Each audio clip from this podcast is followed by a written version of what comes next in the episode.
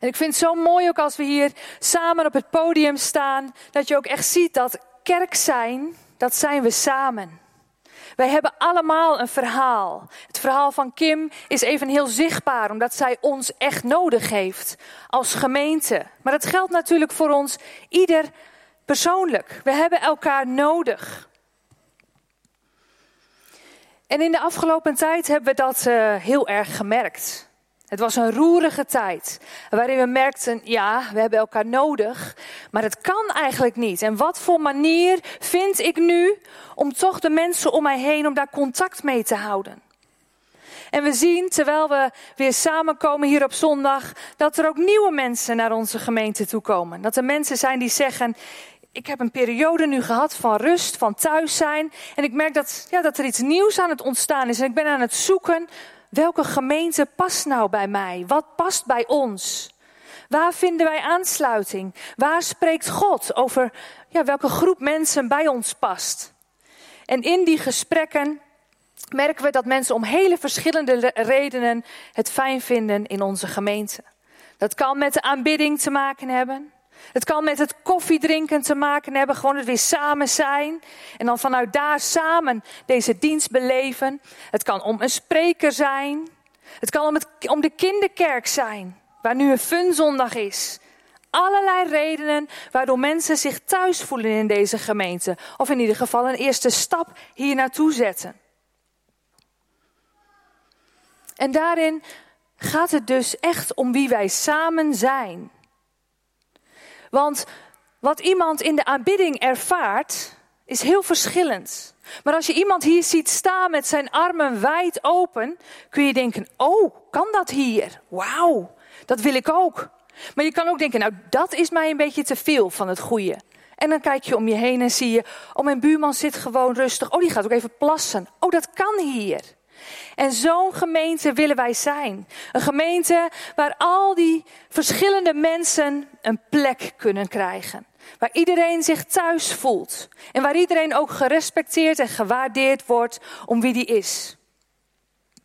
En zo hebben we ook, ja, eigenlijk sinds we weer meer samen kunnen komen, hebben Chris en ik regelmatig de afgelopen maanden gesprekken met mensen. Gesprekjes waarin we met mensen een stukje mee mogen lopen op hun levenspad. Dan vertellen ze over het gezin waar ze mee te maken hebben, over hun huwelijk, over hun geloofsleven, over individuele issues waar ze tegenaan lopen. En het samen optrekken, dat is zo waardevol. Het delen van jouw verhaal zorgt ervoor dat iemand anders ook weer deelt van zijn of haar, haar verhaal. Dus als iemand iets aan mij vertelt, deel ik ook iets weer van mezelf. En zo ontstaat er relatie. En het maakt me nederig. Dat mensen mij en ons vertrouwen om hun verhaal kwijt te kunnen. Dat mensen hun verhaal durven vertellen. En soms misschien ja, zo worstelen met dingen dat ze niets anders kunnen. Want het luchten van je hart helpt. Delen van wat je bezighoudt helpt. Want als je tegen elkaar zegt: Ik snap je. Ik heb dat ook meegemaakt. Dan ontstaat er ruimte dan krijgt je ziel ruimte. En ontstaat er lucht, zodat er weer andere, dat je met andere dingen bezig kunt gaan. Je bent niet de enige die met dat probleem of die, dat, die issue worstelt. Ik herken het. We hebben de beweging, de Me Too-beweging. En eigenlijk is die heel gekoppeld aan seksueel misbruik. Ja, als je daar ook mee te maken hebt gehad, kon je een hele poos geleden een hashtag MeToo uh, op je socials zetten. En dan betekende dat dat je erachter stond, dat je daar ook mee te maken had gehad. Maar voor iedere situatie geldt eigenlijk me too. Of wat jij vertelt, ik ook. Dus een beweging, een me too beweging helpt om je hart te luchten en om te delen wat je bezighoudt. En tegelijkertijd merk je dat we zo verschillend zijn. Tegen sommige mensen kun je helemaal niet zeggen me too, want dat heb je niet beleefd. Begrijp je misschien helemaal niet waar die ander doorheen gaat. Want er is niet één manier van leven. En dus ook niet één manier van geloven. En toch is dat wie wij samen zijn. Is dat de cultuur die hier in deze kerk heerst. En daar willen we steeds meer van. Hoe meer verschillen, hoe beter. Want we hebben altijd diezelfde verbinding die ons samenbrengt. En dat is Jezus, onze grote koning. En daarom is onze visie gefundeerd in genade, gedreven door liefde, geleid door de geest en gericht op de grote opdracht. Vier G's die altijd in ontwikkeling zijn. Je fundatie kan altijd steviger. We zijn gedreven door liefde, maar er is altijd meer liefde te vinden en altijd meer liefde te geven. Geleid door de geest. Ja, hoe de Heilige Geest werkt in je leven, hoe je Gods stem verstaat. Altijd meer in te leren. En gericht op de grote opdracht. Een bewustwording van hoe je staat in het leven en in je geloof, hoe je ermee bezig bent en hoe je dat uitdeelt. En deze visie is niet zomaar ontstaan. Want we zijn een gemeente die leeft vanuit overwinning. Alle preken, alles wat we hier doen, onze aanbidding, wat er door de week gebeurt, het is gericht op overwinning. Jezus heeft de overwinning voor ons behaald en van daaruit leven wij. En tegelijkertijd is het soms goed om even terug te kijken. Want als er overwinning is, dan heeft er dus ergens een keer strijd plaatsgevonden. En wat betekent dat?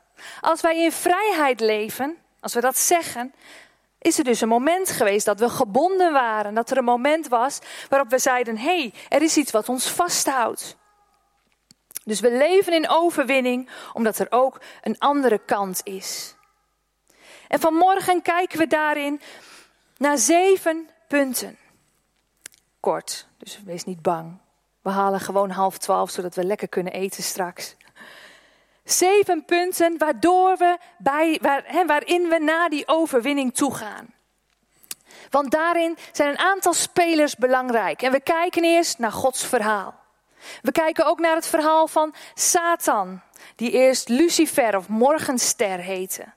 Lucifer is voor ons nu vaak een naam die niet zo goed bekend staat, maar toen was dat een prachtige naam voor deze engel van God. vertel ik zo meer over. Dus het verhaal van God, het verhaal van Satan, het verhaal van twee koninkrijken die ontstonden.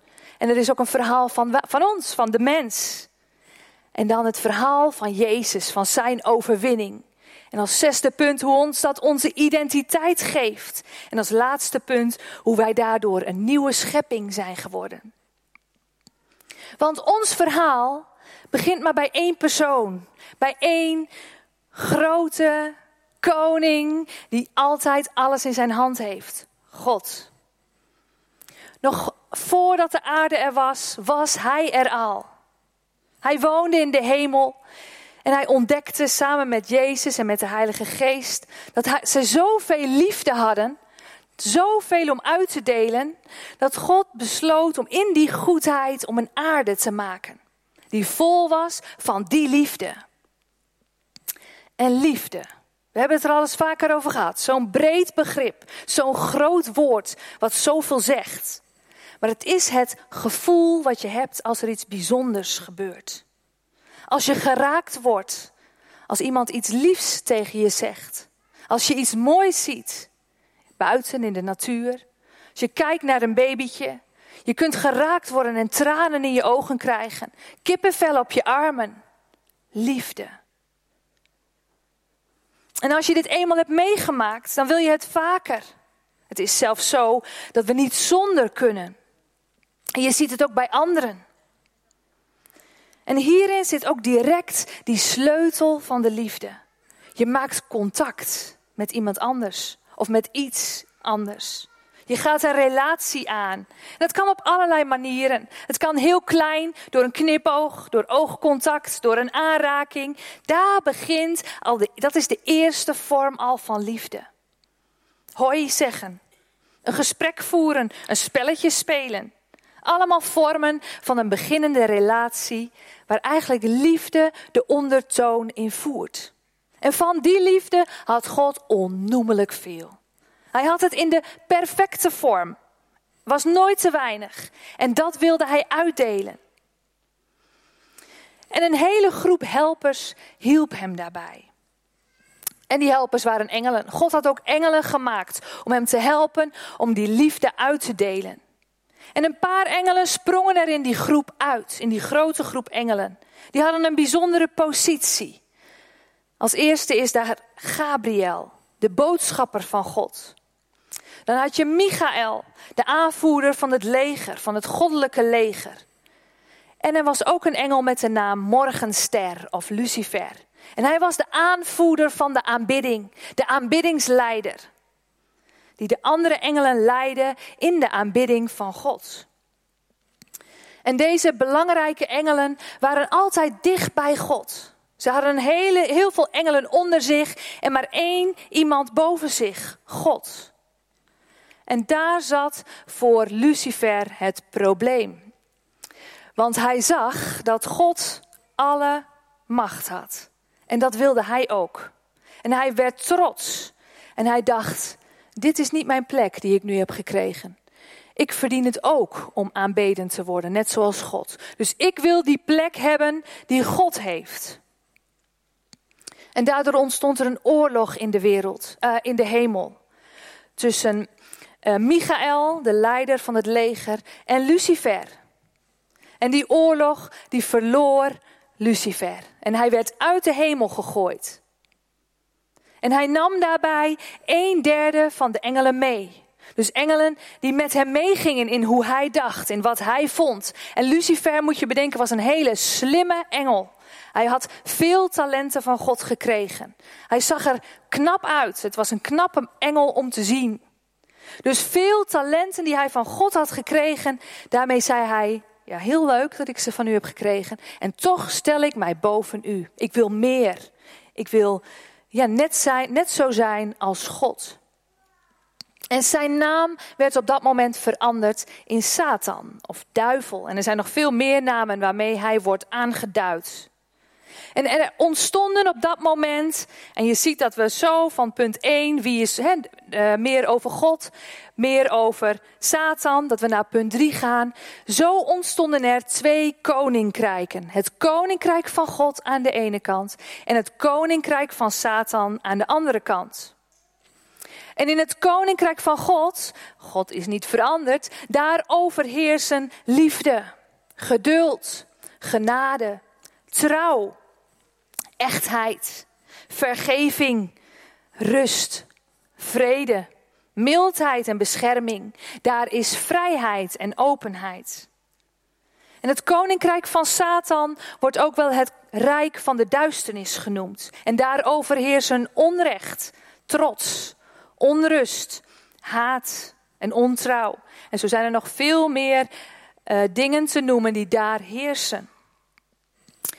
Maar daardoorheen bleef Gods verlangen hetzelfde. Zijn liefde wilde hij uitdelen. En daarom schiep hij onze zichtbare hemel en de aarde. En hij maakte alles wat erop is. Mensen uiteindelijk, maar ook dieren, een prachtige schepping, water, de natuur die wij, waar wij van kunnen genieten met al haar ingenieuze ontwikkel- en groeimogelijkheden. En als laatste schiep hij de mens.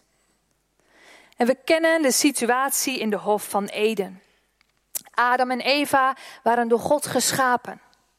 Geschapen met de mogelijkheid om te kiezen. Net zoals God de engelen had geschapen met de mogelijkheid om te kiezen. Zo ook de mens. En Satan was op aarde geworpen. En hij had ook nog steeds hetzelfde doel. Hij wilde gelijk zijn aan God. Dus toen God die mens had geschapen, kwamen die twee koninkrijken ook samen daar in de Hof van Eden. En Satan zei tegen Eva: Heb jij die boom gezien? Daar mag jij niet van eten, toch? En als iemand zegt dat jij iets niet mag, wat doe je dan? Nou, dan ga je iets bedenken, zodat je toch mee kunt gaan in die overtuiging van die ander. En Eva nam de keus en zij at. Zij nam die vrucht en ze ging erin mee. En dat had effect op alle mensen die na haar kwamen, die na Adam en Eva kwamen. En weet je, ik heb heel lang gedacht, nou, als ik Eva was geweest. Hm. Maar nee, bij iedere keus, we merken het ook nu in het leven, soms neem je de goede keus en soms maak je ook een verkeerde keus door ja, overdenkingen die je anders maakt, waarvan je achteraf zegt dat het anders gemoeten. Dus ook wij hadden op die plek een keus gemaakt, misschien niet op dat moment, maar dan later, om toch te kiezen om iets te nemen waarvan Satan het prachtig aan ons voorschotelde. En het gevolg is dat er op dat moment een gebroken wereld ontstond. De gebrokenheid vanuit de hemel was er al, maar ook op deze aarde ontstond toen gebrokenheid. En de breuk die in de hemel was ontstaan had een vervolg op aarde. En dat zorgde voor een spanningsveld. En in dat spanningsveld leven wij nog steeds. Iedere dag hebben we te maken met keuzes. Bewust, onbewust. Maar het zijn altijd keuzes die te maken hebben met de koninkrijken die er zijn. Want Satan wil nog steeds de baas zijn. We kennen het verhaal van Jezus' overwinning aan het kruis en daar komen we ook zeker straks uit. Maar zijn doel was om nog steeds God van zijn troon te stoten. En hij dacht ook dat het hem zou lukken. Er was voor hem geen weg terug. Alles wat door God is gemaakt hier op aarde wil hij hebben. En hij probeert mensen voor zich te winnen. En daarvoor gaat hij heel ver. Hij bluft, hij liegt, hij vernedert, hij voelt zich beter en wil ons ook dat gevoel geven. Hij brengt verwarring, zorgt voor stress en voor onzekerheid. En er zijn mensen die zeggen: laten we het niet te veel over Satan hebben. Ik moet zeggen dat ik zelf ook een beetje die schroom had. Want dan geven we hem te veel eer. Ja. Maar als we het nooit over hem hebben. En toch zeggen we: hij is onze tegenstander dan moeten we weten hoe hij werkt. Dan moeten we weten wat zijn plannetjes zijn. Wat zijn technieken zijn en zijn tactieken om ons bij God vandaan te houden. Want dat is zijn doel. God trekt aan ons, maar Satan zegt ook: hé, hey, maar kijk eens wat ik heb. Dus het is goed om hem te bestuderen, niet om hem te aanbidden, daar heeft dit niks mee te maken, want wij blijven een gemeente en wij sowieso als christen, we staan in de overwinning. Dat is altijd het einddoel en ook waar we mee bezig blijven. Maar ken je tegenstander. Dat is belangrijk. En er is dus een groot verschil tussen hoe God is en hoe Satan is. God werkt vanuit liefde, vanuit leven, vanuit verlangen naar relatie naar contact en verbondenheid. En dat heeft hij ook allemaal in ons gelegd. En in de Bijbel lezen we na het verhaal van Eva en Adam allerlei verhalen over een leven met God. God ging voor verbinding, voor het delen van liefde en voor samen optrekken. En dat wilde hij zo houden. Dat wilde hij het allerliefst. Maar mensen gingen met die mogelijkheid om zelf te kiezen allerlei kanten op. Het hele Oude Testament staat vol van die verhalen. Hoe mensen steeds weer bij God begonnen, toch weer afdwaalden. Als God een profeet stuurde, zeiden ze ja, we verbeteren ons, maar ze deden het niet.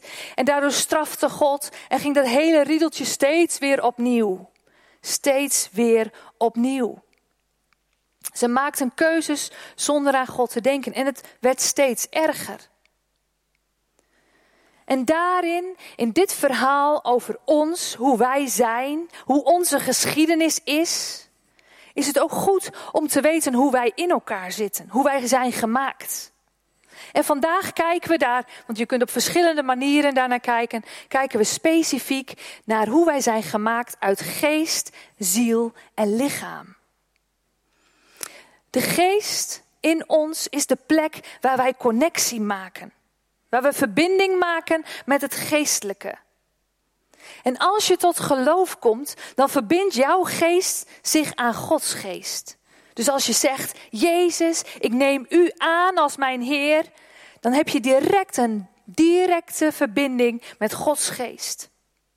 Je geest wordt op dat moment opnieuw geboren. En in jouw geest is het dan 100% God. 100% klaar en 100% nieuw. Je ziel en je lichaam zijn dat niet. In je ziel, daarin zit je denken, je wil en je emoties, je geweten, je persoonlijkheid. En je kunt iemand met woorden of met daden kwetsen in de ziel. En je lichaam is wat je ziet. Je lijf, je vijf zintuigen, alles waarvoor wij wel eens naar de huisarts gaan. Dat is je lichaam. En wij bestaan dus voor een derde uit geest, een derde ziel en een derde lichaam. En met je ziel en je lichaam kun je voelen. Die kun je, je lichaam kun je aanraken. En je ziel kun je raken door woorden, door iets tegen je te zeggen. En met je geest, dat is een heel ander verhaal.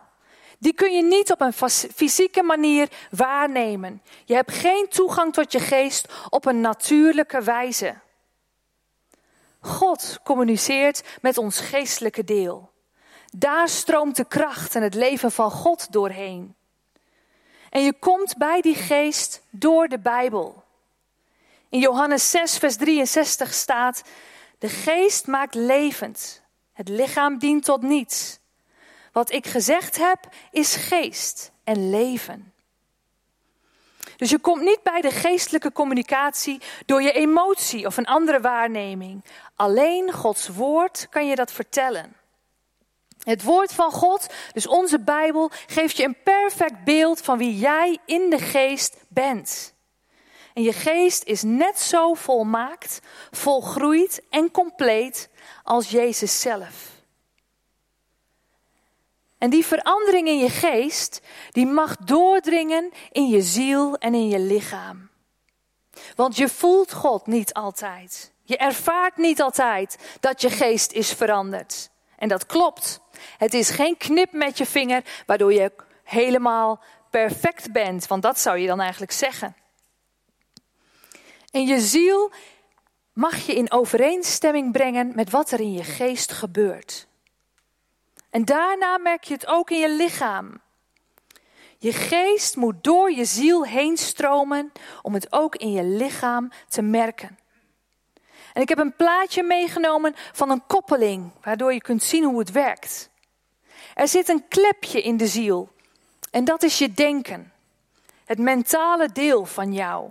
Als die klep dicht zit, en je kunt niet omarmen wat God voor je heeft, dan wordt het geestelijke deel afgesloten als een kraan die je dichtdraait. Dus het kraantje daarbovenop, als je die dichtdraait, dan kan wat van rechts vanuit de geest komt niet doorstromen je ziel in en dan aan de andere kant er weer uit naar je lichaam. Dus je ziel is een soort tussenstuk tussen je geest en je lichaam.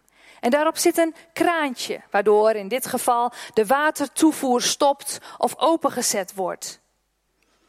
Als je bijvoorbeeld blijft zeggen: Ik ben ziek, ik heb niet lang meer te leven, en je laat die waarheid overheersen, kan het zorgen voor bitterheid, voor boosheid, voor depressie. Dan is het als een kraan die je dichtdraait. De levengevende kracht van God stroomt dan niet verder, die stopt bij je ziel en je denken overheerst. Terwijl je alles van God al in je hebt. Zijn opstandingsleven woont in je. En je maakt er dan geen gebruik van. Maar je hebt je hele leven nodig om te ontdekken hoe je hiermee om mag gaan. Want je denken mag vernieuwd worden. Want daar vindt die strijd plaats. Ook om dat kraantje open en dicht te draaien, heeft alles met je denken te maken. En die mag vernieuwd worden vanuit de geest, waar 100% God in zit. Je mag leren hoe je denken werkt. En daar plukt je lichaam de vruchten van. In je leven heb je te maken met druk vanuit de wereld. Deze druk kan zo groot worden dat ziekte, depressie of iets dergelijks je overheerst. En we lezen daarvoor even Romeinen 12, vers 1 en 2. Want daar staat: Broeders en zusters, met een beroep op Gods barmhartigheid vraag ik u om uzelf als een levend, heilig en God welgevallig offer in zijn dienst te stellen, want dat is de ware eredienst voor u. U moet uzelf niet aanpassen aan deze wereld, maar veranderen door uw gezindheid te vernieuwen. Om zo te ontdekken wat God van u wil en wat goed, volmaakt en Hem welgevallig is. Je gezindheid vernieuwen, dat betekent je denken vernieuwen. Om zo te ontdekken wat God van je wil. en wat goed, volmaakt en hem welgevallig is. Als je verwond bent, verbitterd, ziek of verslagen. Je wilt in je fysieke en emotionele bestaan verandering zien en transformatie merken, zoals een rups in een vlinder kan veranderen, dan komt dat tot stand door het vernieuwen van je denken. En hoe doe je dat? Door het woord van God te lezen. Door te lezen hoe Hij naar je kijkt, hoe Hij over je denkt, wat Zijn geestelijke waarden zijn voor jou. En dan ontvang je er nieuwe waarden en opvattingen voor terug. Het is dus belangrijk dat je weet wat God over je zegt in de Bijbel. En dat is als eten. Je neemt een hap en die hap stroomt naar je maag. Het kost even tijd. In je maag wordt alles verwerkt. Je lichaam neemt de goede voedingsstoffen op en de slechte werkt die weg. Maar dat kost tijd. Het duurt even voor je lijf iets heeft aan die hap die hij aan het begin nam. En zo is het ook met het woord van God. Je kunt iets lezen en het niet direct begrijpen. Het heeft tijd nodig om even te zakken, om te sudderen, om over te praten. Om zelf je gedachten erover te laten gaan. Om het nog een keer te lezen en dan erachter te komen: hé, hey, nou pik ik weer hele andere dingen eruit dan een paar dagen geleden. Ons denken wordt op die manier steeds meer in overeenstemming gebracht met Gods denken. En dat kost tijd. Het is een proces wat ons hele leven duurt. Geduld en groei heeft het nodig. Maar die vernieuwing, en zo komen we bij punt 5, dan gaan we naar Jezus. Die vernieuwing is mogelijk gemaakt door Hem. We spraken eerder al over die twee koninkrijken. Beide hadden een plaats op deze aarde. Het koninkrijk van God, het koninkrijk van licht, van liefde, van vrede. En het koninkrijk van Satan, van duister, dood en onrecht. En in het Oude Testament lezen we dat ondanks allerlei waarschuwingen die God gaf, het volk Israël het niet lukte om zich te houden aan de afspraken die ze met God hadden gemaakt. En God besloot in al zijn goedheid en in, vanuit die liefde, want dat blijft de basis van wie onze God is, besloot hij om het volk ja, te straffen door ze in ballingschap te laten gaan. Want de mens koos voor het koninkrijk van Satan. Maar God hield zoveel van ze. Ik zou graag met jullie willen lezen Hosea 11. Voor mij is het, uh, ik, ik, ben nog steeds aan het studeren, theologie aan het studeren. En over Hosea 11 mocht ik een exegese maken. En ik ontdekte, omdat je dan helemaal induikt in die, in die tekst, met alle context eromheen en hè, wat, welke plek heeft het ook in het Oude Testament, dat ik dit geloof ik het mooiste hoofdstuk van, uh, van het Oude Testament vind. Er zit zoveel in en er spreekt zoveel liefde uit. Dus we lezen hem ook gewoon even helemaal. Hosea 11. Toen Israël nog een kind was, had ik het lief, dit zegt God. Uit Egypte heb ik mijn zoon weggeroepen. Hoe harder ze geroepen werden, hoe meer ze hun eigen weg gingen. Ze brachten offers aan de Baals en brandden wierook voor godenbeelden. Terwijl ik het toch was die Ephraim leerde lopen en hem op mijn arm nam. Maar zij beseften niet dat ik hen verzorgde. Zacht leidde ik hen bij de teugels. Aan koorden van liefde trok ik hen mee. Ik verloste hen van het juk om hen te laten eten. Ik hield hun het voer zelfs nog voor. Zouden zij niet naar Egypte terugkeren? Zou Assyrië niet over hen heersen? En hier merk je dat de toon verandert. Nu zij weigeren naar mij terug te keren. Het zwaard zal huishouden in hun steden en hun orakelpriesters neerhouden om alles wat ze hebben uitgebroeid, uitgebroed. Mijn volk bijt zich vast in zijn ontrouw jegens mij. Al roepen ze tot mij, de Allerhoogste, ik zal hun lot niet verlichten. Ach, Ephraim, hoe zou ik je ooit kunnen prijsgeven? Hoe zou ik je kunnen uitleveren, Israël? Zou ik je prijsgeven als Atma, je laten ondergaan als Seboim? Mijn hart wordt verscheurd. Door barmhartigheid word ik bewogen. Ik zal mijn toorn laten varen en Ephraim niet opnieuw te gronden richten. Want God ben ik en geen mens. Ik ben in jullie midden. Ik ben heilig. Ik zal niet meer in woede ontsteken. De Heer zal brullen als een leeuw en zij zullen hem weer volgen. En wanneer hij brult, keren ze schuchter terug van over zee. Als bange vogeltjes komen ze uit Egypte, als duiven uit Assyrië. En dan laat ik hen weer wonen in hun eigen huis. Zo spreekt de Heer. Ja, mooiste hoofdstuk uit het Oude Testament. En daarom zond hij Jezus, zijn zoon, die stierf aan het kruis om de relatie te redden, te herstellen. En Jezus werd begraven en het grootste wonder gebeurde. Door Gods opstandingskracht stond Jezus op uit de dood. En hij overwon de dood, zodat wij nooit meer zouden hoeven sterven, geestelijk. Onze geest hoeft nooit meer te sterven. God zorgde voor een oplossing. Zoals we net hebben gelezen, hij wilde en kon zijn mensen niet loslaten.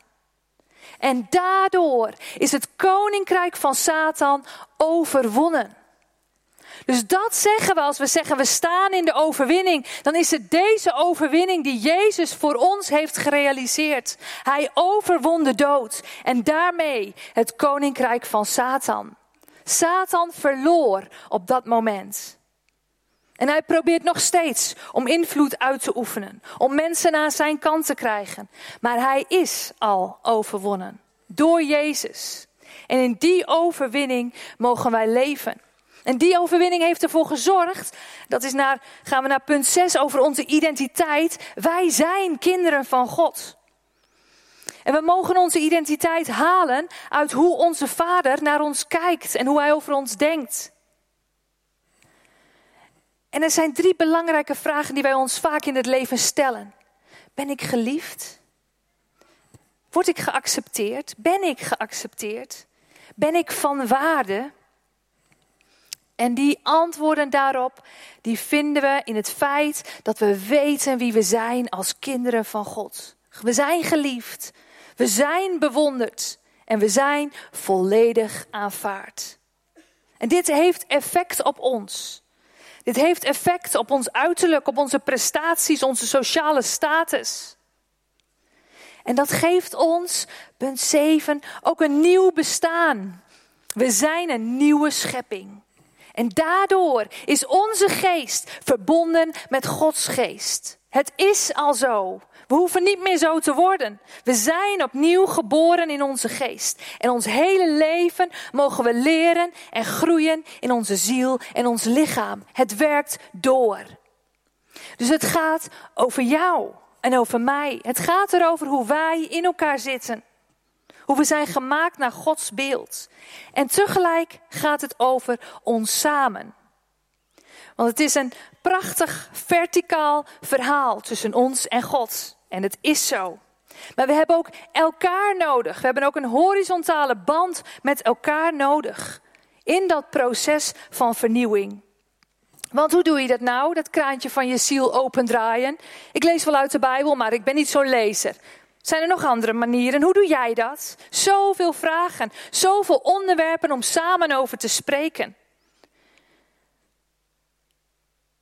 En praten helpt, want het is voeding voor je ziel. Het is ook het opruimen van je ziel. En we hebben ondertussen genoeg meegemaakt om met elkaar te delen. En die twee koninkrijken, de een heeft alle macht. De ander is overwonnen, maar we hebben er nog wel mee te maken.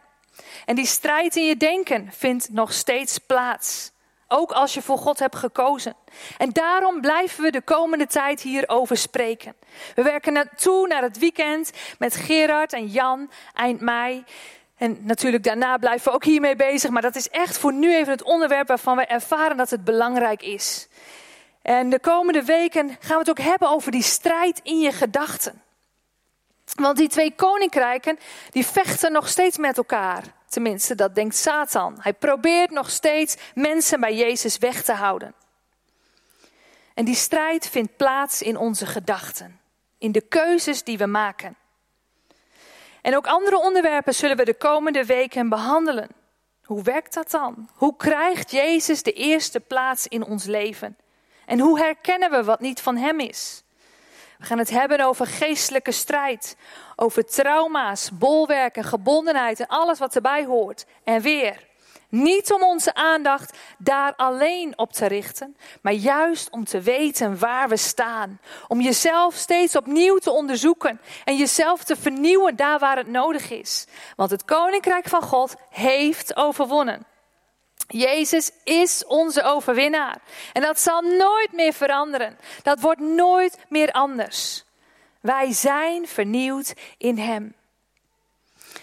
En vorige week behandelde Chris Psalm 23. En dat is een zachte psalm. En ondertussen zit er zoveel kracht in. En juist met dit te weten, alles wat we net gehoord hebben, waarvan we weten, oh zo zitten we in elkaar, oh zo werkt het, denk ik dat het goed is om deze psalm nu te proclameren. Om hem gewoon hardop voor te lezen, om hem hardop uit te spreken. Dus hij wordt zo geprojecteerd op het scherm. En ik wil je gewoon vragen om hem samen met mij te lezen. Want dit is ja, eigenlijk ook de, het getuigenis van jouzelf. Van wie God voor jou is. Juist in alles wat er gebeurt. Juist ook in het, ja, met die twee koninkrijken in je achterhoofd. Dat je weet hoe dat werkt. Dus we beginnen gewoon bij het eerste vers. En er staat eerst een psalm van David. De Heer is mijn herder. Het ontbreekt mij aan niets. Hij laat mij rusten in groene weiden en voert mij naar vredig water. Hij geeft mij nieuwe kracht en leidt mij langs veilige paden tot eer van zijn naam. Al gaat mijn weg door een donker dal, ik vrees geen gevaar, want u bent bij mij. Uw stok en uw staf, zij geven mij moed. U nodigt mij aan tafel voor het oog van de vijand. U zalft mijn hoofd met olie, mijn beker vloeit over. Geluk en genade volgen mij alle dagen van mijn leven.